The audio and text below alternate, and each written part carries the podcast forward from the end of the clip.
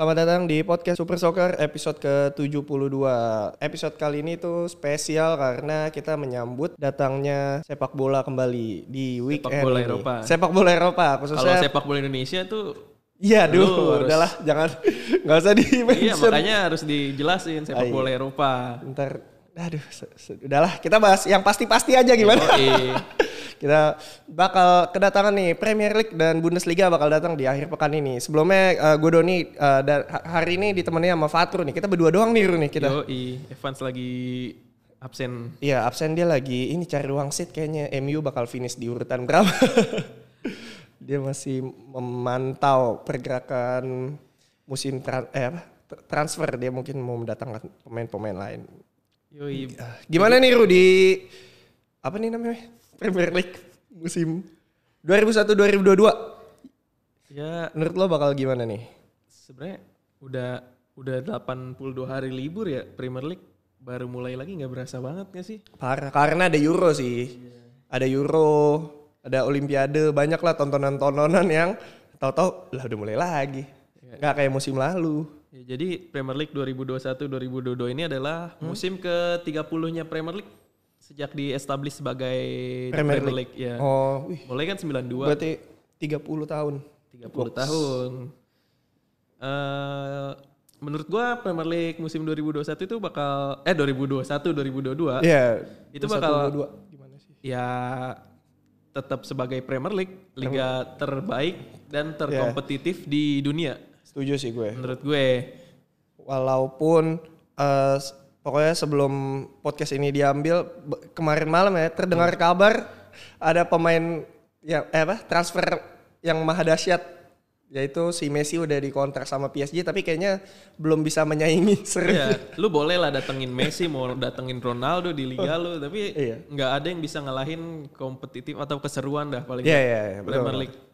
Kalau dari segi liga lah ya. Kalau tim oke lah PSG ini nggak boleh dipakai kalau kita main game. Main game, main kalau main FIFA, main PS nggak boleh. di rental tuh udah pasti ada larangan. ada lar- udah udah udah tersiar kabar Iya. itu larangan untuk menggunakan PSG Ya apalagi secara tim-tim juga Premier League nggak kalah jor-joran di bursa transfer. setuju setuju Banyak juga bintang-bintang yang bakal kita tunggu kayak Yes. Sancho di MU, uh, Grealish di Grealish di City, ya. Belum lagi nanti ada Lukaku atau Lukaku, Harry Kane mau ya. ke mana.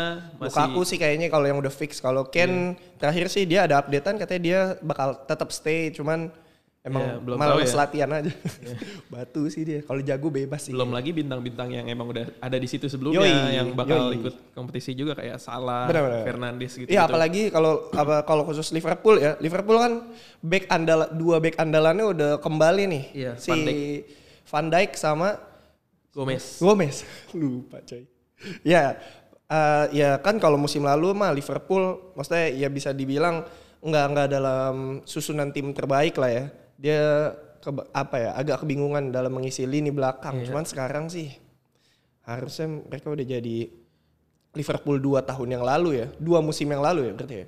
Liverpool dua musim yang lalu ya. Tapi menurut gua kalau untuk case-nya Liverpool, menurut gua dia tetap harusnya ya dia datengin satu sosok yang menjadi penyegar gitu loh. Mm, mm, mm. Se- Kayak sebenarnya kan eh macam trio lini depannya kayak Salah, Yes, Mane. Firmino menurut gue udah udah melewatkan masa jayanya. Yes yes, udah nggak tahu sih apa ya. Kalau gue sih bilangnya bosen. Iya. bosen. harus Cuman harus ada perubahan gitu loh ada ada Iya, iya. refresh gitu kayak tambahan siapa misalnya mungkin oke ada Diogo Jota di tengah juga udah ada Thiago Alcantara yang meskipun musim lalu belum terlalu perform belum terlalu perform ya. tapi menurut gua harus ada satu sosok lagi di lini tengah atau di lini depan Liverpool di Iya. Liverpool supaya bisa apa ya berkompetisi bisa nyaingin City Chelsea yang Benar, punya skuad gila-gilaan Setuju setuju. Iya li- lini depan ya, terutama Iya. kalau Liverpool bisa dibilang ya ini nggak ada yang lain nih. Maksudnya udah dua tiga berapa musim ya dia ya, bertahan dengan si Firman Sah ini ya? empat musim Empat musim ya. dari Maksudnya 2017 Iya paling ya refreshingnya Diogo Jota kayak gitu-gitu. Cuman tetap sih kayak butuh andalan baru mungkin ya atau kayak strategi baru. Tapi kalau dilihat-lihat dari eh, dari transfer sendiri Liverpool dari pemain keluarnya tuh Wijnaldum terus ya yang paling terasa sih Wijnaldum sih. Iya. Siapa lagi? nggak ada dia nggak ada transferin kan Eh, ada ada back- Ibrahima Konate. Iya, itu itu Ibrahima lumayan. Konate dari RB Leipzig. Dia datengin back tengah. Mungkin ya itu. Pas banget Robertson juga cedera kan. Nah ya. Jadi ya emang butuh barisan apa ya tambahan ba- apa ya tambah barisan pertahanan lah. Tapi untuk Liverpool menurut gua nggak bakal keluar dari Big Four. Mm, Kalau Se- ya ya selulu lantahnya Liverpool dia nggak bakal keluar dari Big Four.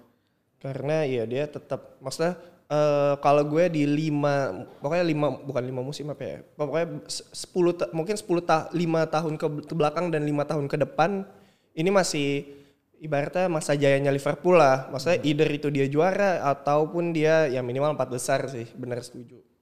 Apalagi di ya Liga Champions dia juga lumayan galak kan. Jadi ya ini musimnya Liverpool masa-masanya Liverpool lah bisa dibilang lah. Kayak gitu. Nah itu dari Liverpool kita ke ke mana ya? Dia pembukaan lawan Norwich ya. Iya benar. Kita sekalian bahas match pembukanya aja ya. Wah lawan Norwich seru juga tuh Norwich sebagai tim bolak balik, tim bolak balik, tim yoyo ya alias tim yoyo si Norwich di Musim lalu Liverpool pembukaannya juga lawan tim promosi nggak sih? Yang Leeds itu.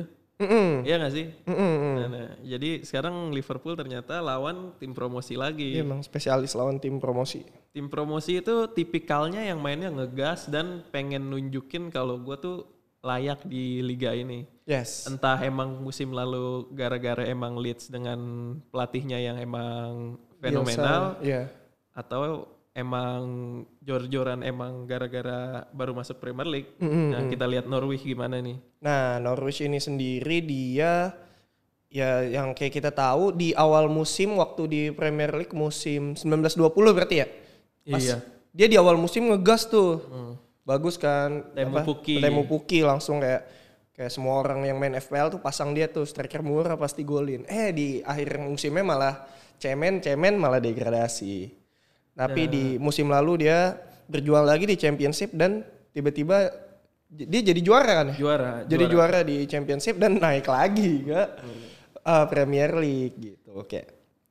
Dan Norwich itu kekuatannya sayangnya beberapa pemain intinya semacam Buendia Windia udah ditarik-tarikin, ditarik-tarikin. dan isunya juga Canwell mau dijual Iya. juga. Kalau Cantwell mah udah isu dari Iya, dua tiga musim yang lalu ya Cantwell. Padahal ya nggak tahu sih gue karena tim Norwich lah ya. Kalau gue lebih impress sama Buendia daripada Cantwell sejujurnya. Angin segarnya dia baru datengin Sargent ya. Eh, i banyak sih sebenarnya yang dia datang. Iya, Joe Sargent dari Werder Bremen benar. Iya. Dan dia ini minjem gelandang Chelsea Billy Gilmore, tapi Oh, nggak iya. tahu sih ba- bakal jadi pemain inti atau enggak. Tapi harusnya sih ya maksudnya pemain muda dari tim besar sekelas Chelsea sih harusnya bisa jadi ya tulang punggung lah seenggaknya walaupun uh, umurnya yang masih terhitung belia, cah terhitung belia. Nah si Liverpool ini ternyata dia di lima pertandingan uh, lima pertandingan pembuka di lima musim terakhir dia nggak pernah kalah nih dengan hasil uh, empat kali menang dan satu kali seri. Iya, kalau pembuka ini gue jelas tetap prefer ke Liverpool. Iya. Ah, setuju, setuju. Cuman bukan bukan bukan jadi Norwich-nya dibantai sih. Iya. Pasti kayak ada, tetap ada perlawanan lah, maksudnya banyak pemain-pemain. Ya semacam welcome to Premier League Yes, pasti dari Liverpool. Ya mungkin ada kejutan-kejutan lucu ya kayak aduh ya nggak sabar lah di, untuk ditontonnya nih si Norwich Liverpool. Nah, terus Apalagi ya laga-laga gede ada ya. Eh, laga gede nanti belakangan aja kita Iya, bahas ya. Kita bahas dari awal dulu. Yang jadi pertandingan pertama gimana? Ini ada Brentford ngelawan Arsenal. Nah, ini seru juga nih Brentford lawan Arsenal. Karena si Brentford sebagai eh, pemu- newbie di di Premier League bakal melawan Iya. abang-abangan Premier League. Terakhir kali Brentford naik di kasta, tera- kasta teratas Liga Inggris adalah 74 tahun lalu. Baru naik lagi saat ini dan disambut oleh Arsenal yang tidak pernah degradasi sepanjang sejarah di sepak bola Inggris. Eh, Bener-bener ibaratnya langsung sungkem sama abang-abangan Premier League nih. Ketemu alumni langsung baru baru ini lu maba langsung ditemuin sama alumni. Bukan kakak kelas Iya, lagi ya. Bukan bukan diinin cutting lagi langsung alumni. Gila, Brentford ini dia eh, lolosnya jalur ini ya. Jalur, playoff, ya. Iya. Lewat jalur playoff dia ngalahin Ba- Barnes eh Barnsley apa Swansea ya? Swansea kalau nggak salah ya. Swansea. Swansea benar di eh, final apa namanya tuh? Final playoffnya. Nah, eh, Brentford ini sendiri dia punya eh, kekuatannya yang gue tahu nih ya. Dia tuh punya striker eh, apa nama? Da- ini Ivan Toni. Ivan Toni itu dia jadi salah satu tulang punggung Brentford waktu di Championship. Championship dia tuh waktu di Championship musim lalu dia mencetak berapa gol ya? Eh oh, 37 gol dan assist. Total 37 gol dan assist sepanjang musim 2020-2021. Ya bisa dibilang sa- salah satu inilah apa andalan dia bak, pokoknya si Ivan Toney ini bakal jadi andalannya Brentford lah untuk si untuk mengarungi Premier League musim ini. Tapi gua nggak gimana ya?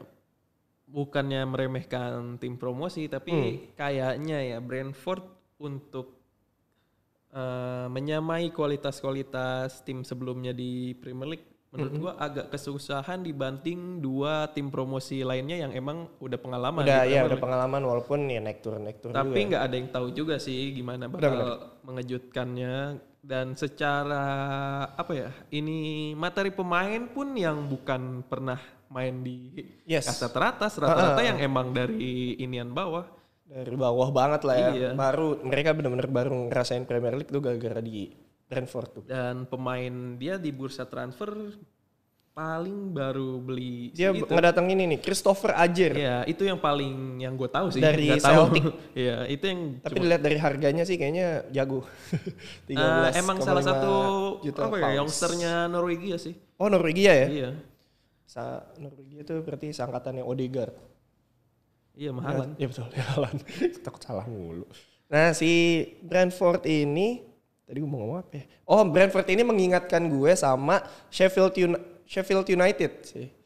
Kayak yang di kayaknya tiga musim yang lalu deh dia sempat kayak dia baru naik banget kan tuh ke Premier League terus dia tiba pokoknya kayak eh, eh, tampilnya benar-benar eh, mengejutkan lah banyak sampai dia eh, sempat eh, menduduki papan tengah menuju atas klasemen tuh. Gue inget dia sempat di peringkat 6, 7 gitu kan. Sempat musim Iya. 2019-20. Nah, 1920 ya kalau nggak salah ya.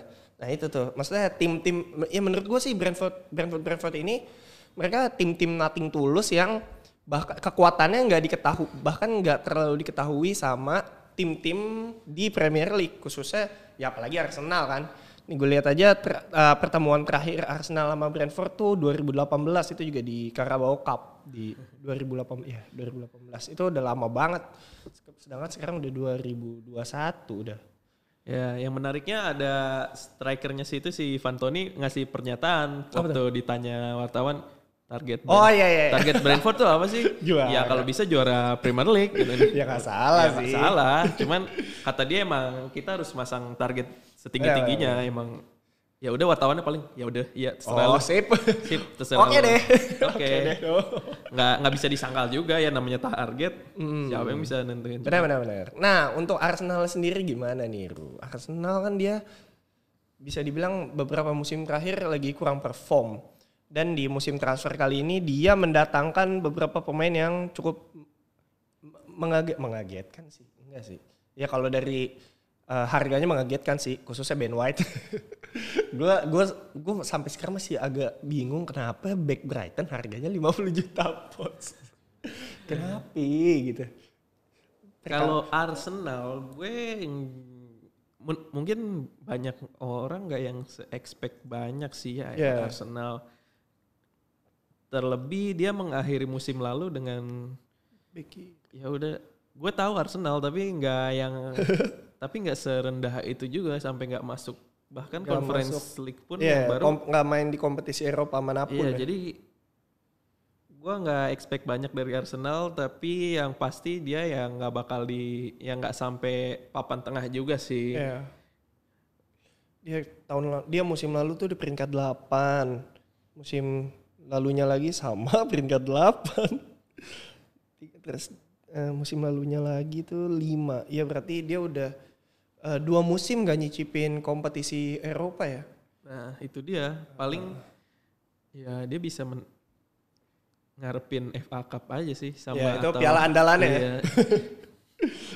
FA Cup dan mungkin Carabao kali ya. Tapi kalau kalau gue pribadi sih gue sebenarnya malah lebih ke kasihan sih Arsenal tuh kayak kayak dia tim jago deh, cuman apa ya? Karena gue tipikal orang yang misalnya gue suka sama satu tim, tapi gue nggak bisa benci sama tim lain. Gue jatuhnya kalau lagi culun banget timnya kayak kasihan kayak dulu dia jago deh. Ke mana nih orang? Gue pengennya sih, maksudnya Arsenal ya inilah bangkit lagi lah bisa. Maksudnya nggak nggak gampang kalah sama tim-tim aneh ataupun kalau lawan tim-tim jago bisa mengasih perlawanan yang apa ya seru kalau ditonton kayak gitu-gitu sih gue pengen ya kalau khususnya Arsenal ya dia apalagi punya sejarah bagus Ya Arsenal datengin Ben White. Ben White. Menurut gua lu mau nggak mau sih dengan harga segitu karena Hmm. dia nggak punya pilihan lain atau back dengan nama besar yang mau ke Arsenal. waduh iya juga sih Ya pilihan cuman Ben White karena Ben White bukan back yang buruk di Iya, iya. Brighton. Dia Iya. salah satu penopang di lini belakang Brighton musim lalu hmm. Di samping si Dang, Lewis, Lewis Dang. Dang. Ya. Dia salah satu penopang lini belakang yang lumayan impresif. Dan dia umurnya juga lagi mateng-matengnya kan? Heeh. Kita nggak bisa ngejudge, sebenarnya nggak bisa ngejudge dengan harga segitu dan balik lagi dia orang Inggris. orang Inggris emang suka membesar-besarkan apa ya? Kemarin Ben White itu dipanggil Euro, cuman emang last minute dia. Hmm, Ya akhirnya juga nggak pernah turun sama sekali kan. ya. Eh, dan dia kedatangan Albert Sambi Albert Sambi di itu lini tengah dari ya, Anderlecht. Anderlecht. Dia adalah Belgia. youngsternya Belgia. Hmm, Salah satu masa depannya Belgia itu. ngeri sih. Belgia emang Eh, nggak bisa dipungkiri Arsenal untuk nyari produk-produk muda muda, itu produk muda. Yoi, setuju. Emang spesialis dia. spesialis. Tapi untuk mengelolanya kurang. Nah, itu dia benar. Pas sudah jago dicomot Pas sama jago. klub gede. Tapi emang gitu-gitu. kayak dijual konsepnya sih, bukan Iya. dicomot. Ya beli beli beli. Kayak gitu. Oh, gue gue bahkan gue baru lihat lagi nih Ru, di klasemen musim lalu ternyata si Brighton itu walaupun dia peringkat 16, dia kebobolannya paling sedikit di Bener. 10 eh, dari peringkat 11 sampai 20 dia tuh kebobolannya paling sedikit loh. Dia cuma kebobolan 46 sama kayak Aston Villa di peringkat 11. Bahkan lebih banyak kebobolannya Leeds United ya kan Leeds United kita tahu ya Jelas kayak dia mainnya terbuka. Wow, serandal serundul, golin yang menang 65, menang 64. Ya paling kekuatan Arsenal nanti masih di Aubameyang. Masih di Aubameyang, Lacazette sih, ya, Tengahnya masih di ya menggunakan produk-produk muda kayak Saka Ya. sama Smith Rowe. Saka Emil Smith Rowe yang baru mengemban Oh, nomor iya. 10. Yoi, baru mengemban nomor 10. Dan Pasti bakal Jo- jadi motivasi juga sih. Joe Willock balik ke Arsenal setelah ternyata emang jago di Newcastle musim lalu. Ya, ya, benar. Agak disayangkan tuh sebenarnya musim lalu malah dipinjemin. Iya ya. Padahal eh, mungkin bisa ngebantu si Arsenal di musim lalu tapi ya mungkin itu strateginya Arsenal untuk misalnya fight back di musim ini. Arsenal adalah jangan nggak usah Kenapa tuh? nggak usah diharapkan maksud gua ya udah emang kalau dia bagus wah ya udah kalau dia jelek oh udah Bener sih. Nah, oke dari dari ya dari Arsenal kita ke ini tim eh, sekotanya nih. Ada Chelsea yang bakal melawan Crystal Palace. Chelsea melawan Crystal Palace. Nih yang kita lihat secara statistik Chelsea lebih banyak menang sih. Dari 24 pertandingan Chelsea menang 18 sih, jelas sih. Palace tuh kotanya juga Ah iya, di, Kan? iya, iya, Crystal Palace tuh London juga, baru inget gue. Sangat. Nah, si ya dari tujuh pertandingan terakhir juga Chelsea selalu menang. Wah gila, ini kayak ter- secara statistikal terlalu mendominasi si, si Chelsea. Cuman mungkin kita lihat dari ininya kali ya. Ah, transfer enggak, jangan dari transfer. Crystal Palace tuh yang unik ini pelatih barunya ya. Patrick Patrick Vieira. Vieira tuh menarik sih untuk dibahas tuh. Eh, Dia bakal ini debut si Vieira ngelatih kan ya? enggak dia sebelumnya ngelatih, Sebelumnya ngelatih. dua tahun di MLS dan terakhir dia pecatan Oji Sinis Oh ya, gitu ini. Eh, dan Patrick Vieira itu adalah satu pelatih yang gue prediksi bakal paling cepet di paling duluan dipecat Ah. di Premier League musim ini. Menarik sih. Eh, Crystal Palace bukan tim bagus yang bukan bukan apa ya maksudnya yang ekspektasinya nggak tinggi tinggi banget tapi yes. untuk ngegantiin sosok Roy Hudson yang lumayan konsisten di Premier League yang Yeah, yeah. bikin Palace konsisten di Premier League Benar-benar. Walaupun nggak walaupun nggak degradasi, walaupun Iya. di bawah terus, cuman nggak degradasi, tetap bertahan. Ya. agak sulit karena peninggalan Roy Hudson ya materi pemainnya itu itu aja Yes. Dan banyak pemain-pemain yang kontraknya udah expired, tapi gue nggak tahu nih udah diperpanjang apa belum. Kayak ada Patrick Anholt yang seingat gue ya salah satu Cabut, pemain kunci lah. Cabut ya? cabut And- Townsend Anders Townsend, Gary eh Cahill. ya dia baru baru iya Nih di gue baca di Sky Sport nih yang uh, kontrak expired tuh ada Townsend, Gary Cahill, Scott Dan, Nathan Klein, Wayne Hennessy, James McCarthy, Sako, Van Aanholt, Connor Wickham itu hampir semua tim intinya sih menurut gue. dia dia ngedatengin Mark Guehi punya Nah, Chelsea Ya, ya Chelsea sama Jo- Joachim Andersen dari Olympic Lyon tuh. itu dua pembelian terbaiknya sih yang Iya, iya. yang yang mungkin bisa diandalkan Semoga. Semoga lagi. Semoga. gua nggak mungkin beberapa pemain Palace tuh masih favorit di FPL sih menurut Ya. gue kayak Zaha Khususnya Zaha. Kuncian tuh, harga kayak, murah. kayak Eze mungkin Eze emang lagi- masih cedera ya Ya ya, tapi yang ngelihat dari umurnya dan apalagi posisi mainnya ya, dia tuh gelandang serang kalau nggak salah ya. siapa Emery Chiesa kan. iya winger Winger ya? Oh iya. Ya pokoknya inilah, men- iya, iya. menyerang Tengah, gitu. eh serang ya gelandang serang Mm-mm. Pokoknya dia menyerang lah, jadi kayak minimal assist atau golin. Apalagi musim lalu dia juga main cukup oke sih, si Eze itu. Nah, kalau Chelsea ini adalah favorit juara gue. Juara, setuju sih. Gak usah, gue, gak usah setuju. Ya, Gua sih bukan, jangan setuju-setuju Santai karena lah. banyak santai lah. terus enggak gue tergantung tergantung karena udah. ini gara-gara triggernya adalah Lukaku yang diresmikan ke Chelsea. Ya, Menurut- walaupun belum di ini ya, Iya. belum di announce sama Chelsea ya. Ya tunggu aja Gak tahu sih lagi. kayaknya pembukaan belum main nih Lukaku. Setuju. Iya ya, karena dia apa ya? Iya masih harus karantina dan ngelak- ngelaksanain proses gitu Apa, iya, apalagi lah. dari Italia. Iya. Dan eh, Chelsea menurut gua adalah bomnya musim ini.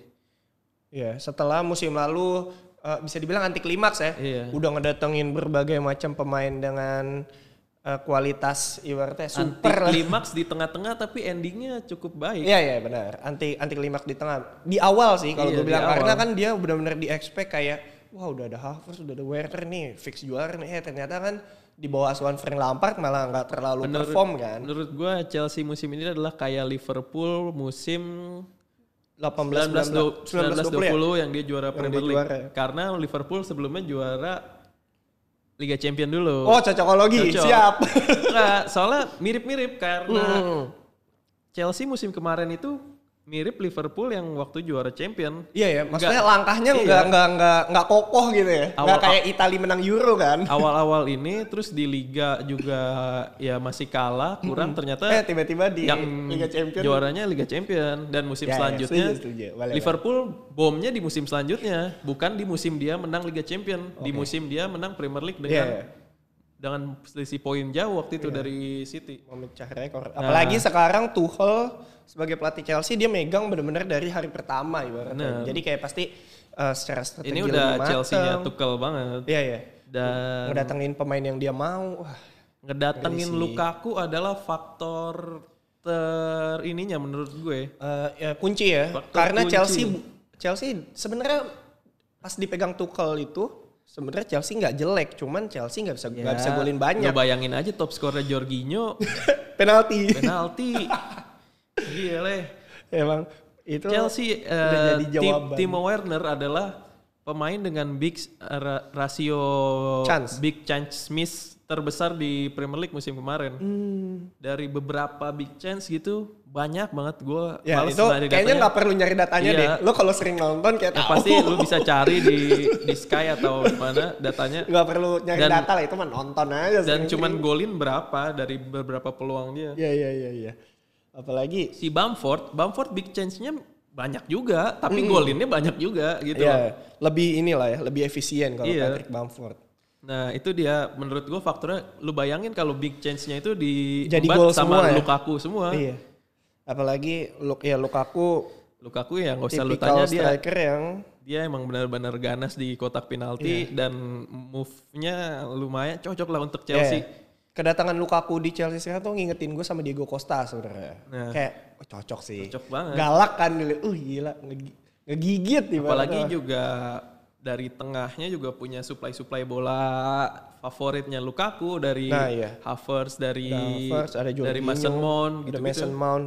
Ya pokoknya banyak pemain kreatif lah yang bakal ngedukung Lukaku ibaratnya di lini tengah sama lini sayap khususnya. Lukaku udah tinggal. Apalagi Chelsea-nya Tuchel ini adalah Chelsea yang nggak gampang kebobolan dari sebela, dari 19 match-nya dia nyatetin 11 clean sheet itu gila. Ya.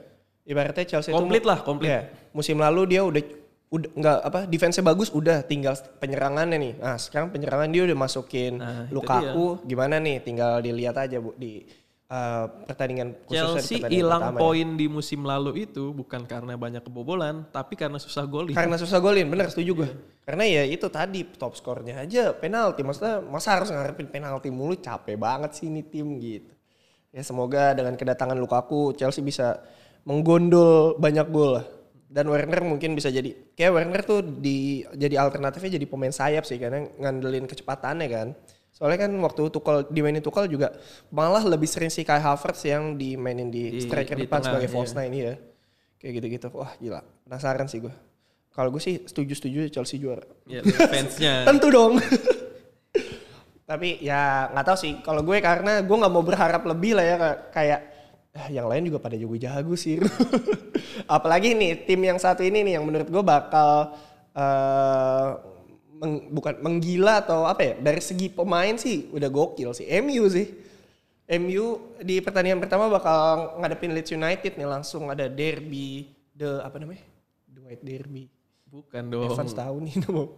Derby ini, derby bunga itu loh. Nah, iya. Apa sih namanya? Leeds. Derby Man United Leeds. Apa- itu aduh aduh aduh. MU itu kan bunganya merah, Leeds-nya bunga putih. Derby apa sih? Der- derby, Roses Rose, Derby. bener kan? Iya, iya. Rose Rose Derby alias Derby Mawar. Derby Mawar. Iya, iya. Ini adalah derby klasik sebenarnya. Benar-benar. Walaupun baru baru mulai dihidupi lagi setelah semenjak Leeds masuk ke Premier League ya. Dan Leeds musim lalu adalah tim yang paling enak ditonton. Setuju, benar. Gila. Kayak walaupun kalah tapi Enak gitu Iya. men. Nonton Leeds tuh anjrit nggak ada bosennya. Nggak- Lu kayak kayak ini kayak ngelihat tim pantang menyerah tuh Iya. kan. Gak ada defense. ada sih kayak nonton ya. Subasa. Lu tuh nggak bakal bosen. skor-skornya juga Iya. nih bahkan di dua pertandingan pertemuan terakhir MU Leeds saja eh, walaupun di yang di kandang Leeds dia ditahan imbang 0-0 sama Leeds di pertemuan pertama Leeds dan MU se- setelah 16 tahun nggak ketemu di Premier League tuh langsung eh, skornya 6-2 Nah, walaupun MU nyegolin 6 Leeds ya masih bisa ngebalas dua. Maksud gue kayak wih seru juga nih. Kayak tepat bener-bener pantang menyerah banget sih definisinya. Pembukaan MU agak sulit walaupun main di kandang dan punya materi pemain lebih baik. Yes. Karena Leeds passionnya nggak bakal berhenti gara-gara dia baru naik Premier League musim lalu. Pasti Yes. dia ngincar zona Eropa musim ini Mm-mm. pasti Apal- Karena di musim lalu tuh dia finish di urutan ke sem 10 se- sembilan buat Sembilan ya? sembilan sembilan di bawah Arsenal. Tapi itu pun di di dia tuh eh, agak jeleknya di pertengahan musim sih gue sih. dan Leeds tuh emang nggak pernah pindah dari posisi 10 selama beberapa game week dia nggak pernah yang tinggi banget Iya, nggak iya. pernah di bawah banget dia Benar, selalu benar. 10 Konsisten ya, 11 10 konsisten ya. 11 10 11 ya men- ini la- salah satu laga yang sangat menarik ditunggu di pembukaan Premier League Pembukaan yang cukup menarik apalagi lah. MU dengan punya materi pemain-pemain baru dan targetnya MU musim ini udah pasti juara, Juara sih, jelas. mungkin enggak Gila, gua ya gue bukan fans MU aja. Gue mikir masa MU nggak mau juara. Timnya udah gokil banget ini. ini sih ya meskipun gua nggak prediksi MU, MU adalah salah satu kandidat juara nggak bisa dipungkiri Yes yes. dan kansnya itu lumayan besar setelah mendatangkan Jadon Sancho dan Jadon Rafael Sancho Varane. dan Rafael Varane. Ya, itu bukan- adalah ya, dua sosok yang MU butuhin banget karena musim lalu MU cuman eh apa ya pegangan sama Bruno Fernandes Bruno- dan, Benar-benar Bruno Fernandes FC Iya. sih kalau gue bilang dan benar. Cavani juga beberapa baru-baru akhir Baru di musim, kan. akhir-akhir ya baru ibaratnya ngangkat lah. Soal dan ya bisa dibilang problemnya MU juga di musim lalu tuh menurut gue mirip-mirip sama Chelsea lah lini depan sih. Iya. Ya dia Ya, benar dan belakang juga sebenarnya salah satu problem MU adalah kebobolan. Dia adalah tim dengan tingkat kebobolan tertinggi kan. Setelah ya ya ya. Kedua dia atau kebobolan ketiga? 4-4. nah itu Total adalah kebobolan 4-4. salah satu yang Di empat besar menurut- dia paling besar. Iya, Di dia empat besar dia paling besar. Ya, ya, ya. bahkan di bawah Liverpool. Di bawah yang- Liverpool 42 gol. Yang punya lini belakang lebih Lagi ba ancur-ancuran. lagi bapuk-bapuknya Nah, itu ibaratnya. dia. Makanya kehadiran Varane itu salah satu yang harusnya bisa bisa nemenin Maguire lah. bisa ngehindarin gol-gol aneh lah. Iya, Varane itu di Gol-gol duel aneh, di duel udara MU itu selalu kalah. Ah, iya, iya. Kebobolan MU itu rata-rata di duel udara kalau lu mau cek. Benar benar. benar. Eh, dari dari dari bola mati, lu inget finalnya UEL lawan Villarreal kan bola Hmm. mati itu antisipasi bola mati backnya MU tuh kurang aja Kurang aja lalu. ya. Makanya kehadiran Varane tuh harusnya bisa Benar-benar bikin jadi- backnya jadi disiplin lah. Kipernya sih udah jago, makanya Hmm. kipernya kalau kipernya MU bukan De Gea atau De Gea Henderson, Henderson. di akhir musim lalu udah habis lini pertahanan MU.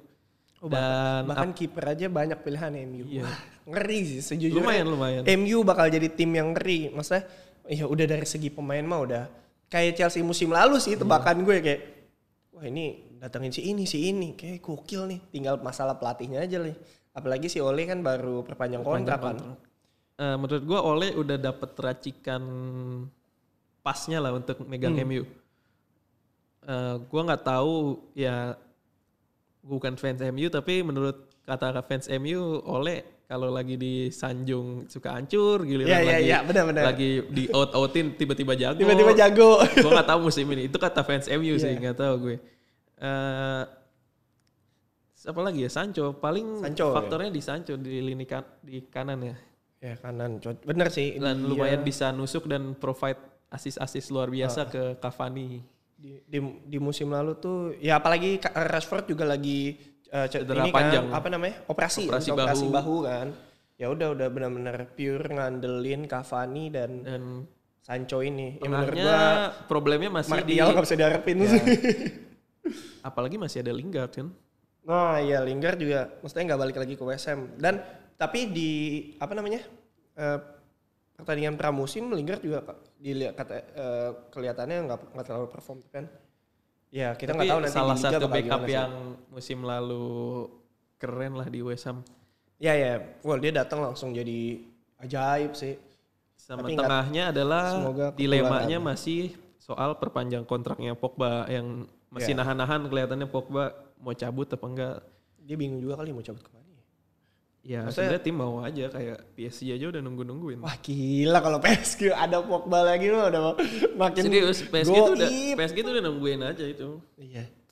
Udah, ya udah masuk akal emang. MU patut ditunggu sejak match day awal pun Setuju, pa- setuju. pasti ditunggu ditunggu fans MU dan ditunggu, Ditunggu pembencinya MU Pembenci MU. Ya, Kalau fans MU pasti nungguin Ya, pasti aksinya, nungguin lah, ya. Pembencinya MU pasti nungguin blunder-blunder ya. blunder ya. Mampus lu udah beli banyak-banyak gini gini, gini segala macem datengin mahal-mahal. Pasti dikatainnya lebih parah dari Lebih Chelsea parah. musim lalu tuh kalau bego tuh. Tapi ketebakan gue nggak tahu kenapa. Misalnya kalau Manchester United uh, pahit-pahitnya dia nggak perform either di awal musim atau sampai pertengahan musim, kayaknya Ole bakal ya apa saja kayak ya mungkin jadi pelat, pelatih tim besar pertama di Premier League yang bakal dipecat kalau mainnya nggak perform karena gila kurang apa lagi sih Ru? Ini pemain udah jago-jago semua Tapi anjir. mecat mecat oleh musim ini agak repot karena baru perpanjang, perpanjang ya? dan kompensasinya pasti gede banget mecat dia itu. Ya apalagi yang kita tahu maksudnya si MU ininya ininya bisnis banget ya. Kayak kalau ngecat jatuhannya sayang. Iya. ah sayang duit gitu. Tapi yang- tekanan dari iya. fansnya luar biasa sih emang MU itu. Ya karena ya bisa ya MU Tim kan besar. tim besar yang fansnya di mana-mana. Cah di mana-mana banyak lah. Nah, ini pertandingan yang bisa dibilang big match di game week pertama ini nih. Ru. Ada Tottenham Hotspur melawan Manchester City. Widih. nggak big match sih karena emang, Ya. emang City lah yang gedenya. City sih besar. Apalagi dia baru kedatangan banyak pemain, nggak banyak sih, maksudnya pemain-pemain yang sebenarnya nggak butuh sih City, cuman udah jago nih, ditambahin pemain jago, sebel jatuhannya kayak, lah apaan sih? Makin susah aja nih gitu. Eh, Spurs adalah lagi berantakan. Kondisinya lebih parah dari Arsenal. Karena satu dia ganti pelatih. Ya, dan pelatihnya bukan pelatih kelas bukan. Gue ya, bukan bukan gue bilang Nuno itu jelek ya tapi belum bukan ter- belum terbukti banget sih. yang punya mental untuk eh dia ada ada di papan atas Heeh. Maksudnya kalau dibandingin sama Mourinho di musim Iya. lalu atau kayak Villaboa di sebelum-sebelumnya banyak lah. Eh, musim ini Tottenham itu untuk adalah musim recover karena apalagi dia punya masalah di Harry Kane Iya. yang Harry Kane yang akhir musim lalu udah menyatakan gue udah enek di sini gue mau cabut. Dan seba- dan berbagai drama terjadi di pramusim dia nggak datang latihan sampai akhirnya dia bikin pernyataan oke gue balik gue mau latihan. Dan Nuno Espirito Santo kemarin terakhir banget dia bikin pernyataan kalau Harry Kane bakal tampil lawan Man City. Hmm. agak gimana ya kalau lu punya pemain yang udah apa punya pernyataan kalau dia pengen cabut tiba-tiba main lagi hatinya itu udah beda Iya iya. passionnya udah lain dia main ya udah sebagai Ini gue apa profesional cuman aja. ya? menghargai kontrak aja Mm-mm. dan hatinya tuh sebenarnya udah ke mana-mana pasti mungkin agak berbeda permainan Harry Kane di musim ini kalau dia emang nggak cabut Yes. Nah si uh, Spurs sendiri ya walaupun hampir kehilang nggak hampir nggak tahu ya hampir atau ya maksudnya udah diombang ambing lah sama si Harry Kane ini dia ngedatengin beberapa pemain baru nih yaitu si uh, Brian Hill, Brian Gill, Tadi di- disebutnya Brian Hill, terus sama dua pemain dari Atalanta yang satu dibeli si Christian Romero back tengah sama Pierluigi Golini, Golini. Tapi Romero itu gantiin si itu kan Back tengah. si uh, Alderweireld. Aduel cabut Iya. Yang Bang Tatu. Hmm, iya, Serem tuh.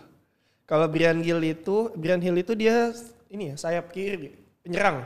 ditukar sama Lo Celso ya. Enggak enggak Lamela Lamela yang golin keren Lamela, musim iya. lalu. Apa gol gol per- ditukar best sama goal. Lamela Eh, dan nambah duit. Ya, itu aduh. agak gambling tapi Brand Hill Pemain muda kan, pemain muda Spanyol ya. Walaupun dia nggak main Euro tapi dia dipanggil buat Olimpiade sih. Olimpiade. Olimpiade dia main dan eh nggak ju- walaupun yang nggak juara sih. Cuman main bagus dia sepanjang Nah, paling yang Turnamen bisa kita ini adalah Man City yang kemarin baru kalah di Community Shield. Waduh, tapi kan dia kalahnya kalau Ya, pakai tim kedua. tim Cuman kedua. tim keduanya City juga jago. Tim kedua tapi ya menurut gua sebenarnya Pep Guardiola nggak yang peduli gitu peduli-peduli amat sama gelar Community Shield iya tapi sih, lumayan dia lebih lah. lebih peduli sama Premier League Iya, tapi sama apa? itu gelar UCL. yang lumayan di preseason awalnya kan emang itu cuman piala charity ya Hmm, awalnya emang basicnya tapi eh buat nentuin kekuatan lo di musim baru tuh Ya buat buat matokin lah ya, buat Iya. matok wah lumayan juga nih gitu. Tapi dia itu adalah preseason yang serius. ya menurut ya. gua. Soalnya di preseason sebelumnya si City ini udah tiga pertandingan dia menang semua sih. Iya. Ya kayak gampang lah gitu. Dan emang emang Leicesternya yang take it serius sih. Iya yang ya. lebih- Butuh jadinya- butuh gelar. Iya, BU dia but BU. butuh gelar. Apalagi ya setelah Leicester lagi di apa landa ben- bencana kehilangan si back andalannya ya Fofana kasihan banget tuh. Patah. Kata pas preseason agak sedih sih. Semoga bisa tampil lebih baik lah buat Leicester. Eh, dan City ini adalah skuad paling tebel di Premier League menurut gue. Iya sih.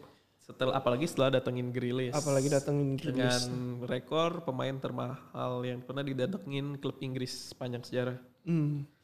Eh Grealish pemain jago, pemain bintang, tapi Hmm. untuk di City dia bukan bintang. Ya udah Dia pemain biasa. Masuk dia Iya. kategorinya biasa.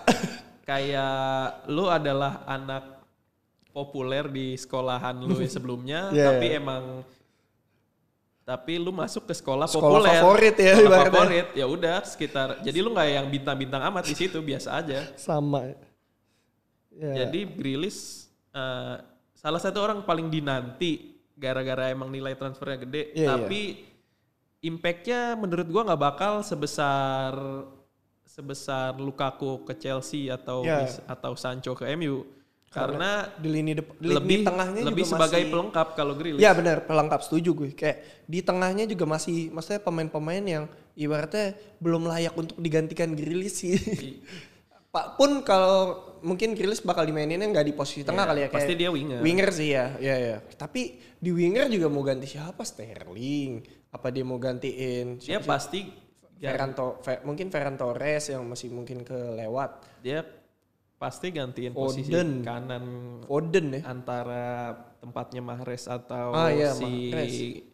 Cuman Bernardo Silva yang Nah, emang Mahrez dan Bernardo Silva aja menurut gue mas masih peak perform sih. Kecuali Bernardo Silva Masih, yang emang masih. isunya mau, Mau pindah cabut. kan. Nah ya, ya mungkin untuk backupan itu kali ya. apalagi oh ya apalagi City itu nggak belum beli striker cuman punya Gabriel Jesus Iya kemarin makanya kan City mau datengin mungkin Ken. Iya. mungkin City emang bakal yang kayak kita bahas di podcast sebelumnya Iya. iya. dia bakal masang formasi yang bikin dia juara Premier League musim lalu Hmm.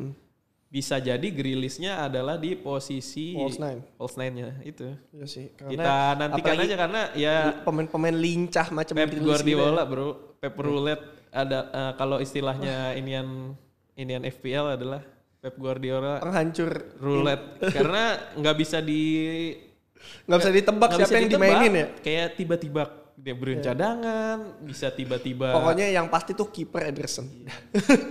gua tuh kalau pakai pemain City udah fix Ederson doang udah kalau mau makanya dapet poin jangan, mah. jangan jangan pasang Grilis dulu deh di Sama back tengah paling Stones lah atau andalannya kan biasanya tuh. itu ya back tebel, tengahnya tebel, depannya lumayan. City masih ya juara bertahan. Ya. Walaupun main di kandang Tottenham ya. Dan ya, ternyata eh, faktanya, cah faktanya. Eh, si Guardiola tuh satu-satunya manajer atau pelatih kepala yang berhasil memenangkan eh, lima pertandingan pertama dia di eh, Premier League. Eh, lima musim berbeda Premier League.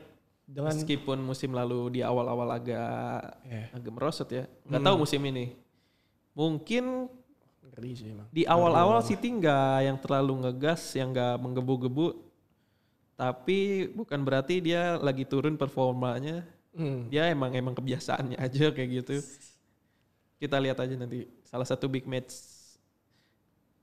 pertandingan terakhir ya. Ya, dia pertandingan terakhir di game week pertama ini.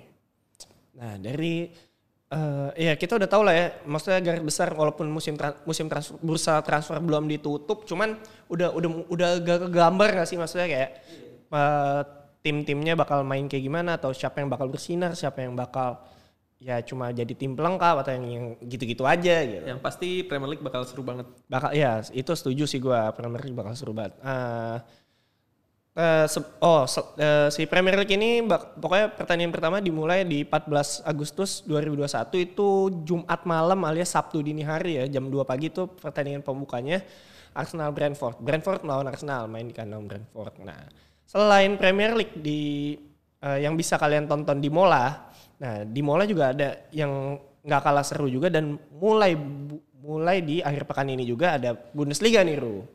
Nah, Bundesliga eh salah satu liga yang Eropa ya, namanya juga top 5 leagues ya. Iya, iya. Pasti ya Pak, eh, menarik lah untuk ditonton. Mm, walaupun eh, ya kalau dilihat ya apa ya, Munchen League Kalau selalu lu ngikutin. Bundesliga yang kalau ada emang banyak juga tuh Iya, iya, gue yang iya, ngikutin Bundesliga, ngelihat Bundesliganya tuh eh, mu- bayarnya nggak dihitung. Iya iya. Ngeliat iya Ya sih udah, persaingannya- lebih seru nonton misalnya kayak Munchen Gladbachnya, Dortmundnya, Iya. kayak gitu-gitu sih. Pokoknya lini apa ya? Ya peringkat dua ke bawah, dua dua ke bawah. Karena peringkat satu udah di booking tuh, udah di booking seumur hidup kayak sama Munchen. Padahal beberapa musim Bayern juga sempet turun. Eh, Leipzig sempat lama di atas. Iya, iya, iya. Tapi ujung-ujungnya tiba-tiba Bayern bayar lagi, Bayern lagi. Masalah di di klub-klub lain selain Bayern adalah konsistensinya aja Konsistensi, sebenarnya. Kayak kalau Munchen tuh udah nemu aja selahnya. Iya, satu misalnya pemain kuncinya hilang ya udah mental. Ya, kelar. Dan beberapa tahun terakhir juga pesaing utamanya kan cuman Dortmund dan sekarang lumayan ada Ada, ada, Leipzig, ada Leipzig, ada ada, Leverkusen Wolfsburg, juga lumayan. Leverkusen. Ba- maksudnya banyak yang nggak cuma Dortmund doang lah Iya. sekarang lawannya ya. Bahkan Dortmund pun udah mulai kesaing dari Big Four musim lalu. Heeh. Jadi kalau kalau inti kalau menurut gue sih intinya ya walaupun Munchen sudah pasti juara, ya nggak tahu sih udah. Tapi yang seru malah ditonton kayak perebutan Liga Champions Iya. ya, perebutan ya, Europa League ya, kayak gitu-gitu benar setuju sih. Apalagi kalau tim-tim kayak yang nggak melulu misalnya Munchen ketemu Eh, nonton Bundesliga itu paling enak kalau lu lagi eh, mau, mau ngelihat bintang-bintang muda. Mm-mm, benar. Kalau lu mau nonton pemain-pemain muda yang bakal bersinar di masa depan, lu nonton Bundesliga. Ya, apalagi di tim-tim yang kadang Iya. tuh Setiap tim pasti gitu. punya youngsternya sendiri. Ya, kayak di uh, Dortmund tuh dia kan punya si siapa namanya Jude Bellingham kayak gitu Iya, kan. ya Mun- gitu-gitu. Munchen punya Kalau lu misalnya nanti ada pengen gitu Hmm. punya apa ya? Kalau tiba-tiba ada bintang bersinar, terus lu ah ini mah gue udah tahu orang gue nonton. iya. Yoi, yoi. Kalau lu nonton Bundesliga kayak gitu, bisa tahu lebih awal iya ya. bisa tahu lebih awal kayak sekarang misalnya produk-produk yang udah jadi kayak Christian Pulisic, Pulisic, Sancho, gitu-gitu. Kalau yang nonton Bundesliga itu mah ah, Udah. mah gue udah tahu duluan sebelum dia bersinar gitu loh. Jadi ya kalau lu mau bener. bintang-bintang yang next siapa next siapa, lu pas lu harus nonton Bundesliga. Iya. Bisa di Munchen misalnya si Jamal Musiala nih bakal Iya. bersinar atau di uh, Dortmund bakal Jude Bellingham siapa? Gio Reyna, Gio Reyna apalagi sih ya sih setuju gue. Wah, banyak banget Menarik, pemain yang masih kayak Moukoko li- baru 16 tahun. Iya. Di udah mulai perform di skuad utama. Jadi kalau Premier League lu nggak mungkin jarang banget ngelihat pemain di bawah 18 tahun langsung bisa ber- bisa main di skuad bersaing utama. dan apa ya bersinar Iya. lah tiba-tiba bersinar. Kalau lu mau nonton ya yang gue bilang tadi next next future star itu adanya di Bundesliga. Benar, benar, setuju, setuju. Jadi eh, nggak ada alasan, bukan nggak ada alasan, Iya. maksudnya ada alasan yang bagus lah. Kalau dari dari gue sama Fatru nih khususnya kenapa lo harus nonton Bundesliga? Yang diincar kan lebih ke itu kalau Iya, gue iya, nonton setuju, Bundesliga. setuju, benar. Nah, si Bunde- se- Bundesliga ini pertandingan pertamanya tuh ada Borussia Mönchengladbach melawan Bayern Munchen. Dia sebelum Brentford melawan Arsenal. Jadi eh, lu sembari nungguin Brentford Arsenal jam 2 pagi ini ada Mönchengladbach lawan Munchen. Pas banget. Jadi eh, Jumat malam lo abis abis kerja capek tuh langsung ditemenin sepak bola. Ih, seru banget sih, gokil. Habis itu ya di Sabtu malamnya juga bakal banyak ada banyak pertandingan juga sih kalau buat Bundesliga tuh. Salah satunya ada yang patut yang seru sih menurut gua ada Dortmund lawan Frankfurt ya. Karena ya Dortmund juga salah satu tim besar di Bundesliga dan Frankfurt dia musim lalu walaupun eh maksudnya musim lalu tuh mainnya cukup oke lah. Maksudnya Cukup oke, kayak dia dia top 4 kan. ya top 4. Apa andalannya tuh si Andre Silva sih striker. Ya pokoknya Udah dijual. Oh udah dijual ya? Dulu andalannya Andre Silva. Sekarang kak bingung kan siapa? Tonton makanya. Ya gitu. Boleh juga beloknya. Ya kalau lu mau nonton yang bintang-bintang tiba-tiba ada di Euro kemarin kayak Sabitzer gitu-gitu kan Nah, lu sebelumnya nggak pada benar-benar. tahu kan. Sabitzer, Alaba. Ya Alaba sih udah, udah udah pindah juga sih ya. Kayak Sabitzer atau si ya banyak lah pemain Austria tuh. Hmm, pemain pemain Austria kan itu ini Bundesliga B. Bundesliga soalnya kebanyakan kebanyakan pemain Austria yang main di Bundesliga daripada pemain Jerman loh. Di musim di Euro kemarin tuh. Pokoknya eh, di akhir pekan ini kita bakal ditemenin sama Premier League dan Bundesliga. Akan mulai ditemani sama Premier League dan Bundesliga yang bakal bisa kalian tonton lengkap seluruh pertandingannya dari game week pertama sampai game week terakhir tuh cuma di Mola. Dan di Mola sendiri juga lagi ada promo uh, early bird yang bakal berakhir wah sebentar lagi banget nih cuma sampai hari Sabtu ya. Sampai tanggal eh 13 tuh Sabtu nggak? Nggak ya? Jumat ya? Jumat ya? Oh iya pokoknya sampai tiga, tanggal 13 cek aja di sosial medianya Mola ada di mola.sport atau di uh, bisa cek juga di @mysupersoccer untuk promo-promo yang lagi tersedia atau langsung cek di aplikasinya aja sih ya. Tuh nanti ada yang uh, bisa lo patungan berdua atau patungan berempat, lo cari temen lo dah yang belum berlangganan mola dan biar bisa dapat harga yang lebih oke lagi gitu. Nah, nih buat penutupan nih Ru, penutupan eh penutupan apa namanya? Penutup podcast episode hari ini. Eh, buat Premier League nih kira-kira siapa yang bakal eh, yang gampang dulu deh, yang bakal degradasi menurut lo siapa deh? Degradasi dulu. Kalau juara sus- bingung sih. Kalau gue Ngelihat dari adalah komposisi tim sama ya, persaingan sih ya. Palace, Brentford sama Newcastle kalau gue. Newcastle ya. Heeh. Ya soalnya Di di, Newcastle itu degradasi yang yang bukan yang yang Paling bawah. bottom ya, tapi yang ketiga teratasnya. hmm, Menurut gua dia berebutan sama Brighton atau Burnley. hmm ya. Kalau kalau gue sih Burnley sih udah fix degradasi soalnya musim lalu juga mainnya nggak terlalu perform sih. Iya sih, tapi Apalagi dia- sekarang juga maksudnya nggak ada perubahan berarti lah yang dia makanya menurut gua antara itu. Ah. Tapi dua terbawah menurut gua Brentford dan Palace. Kalau ya ya.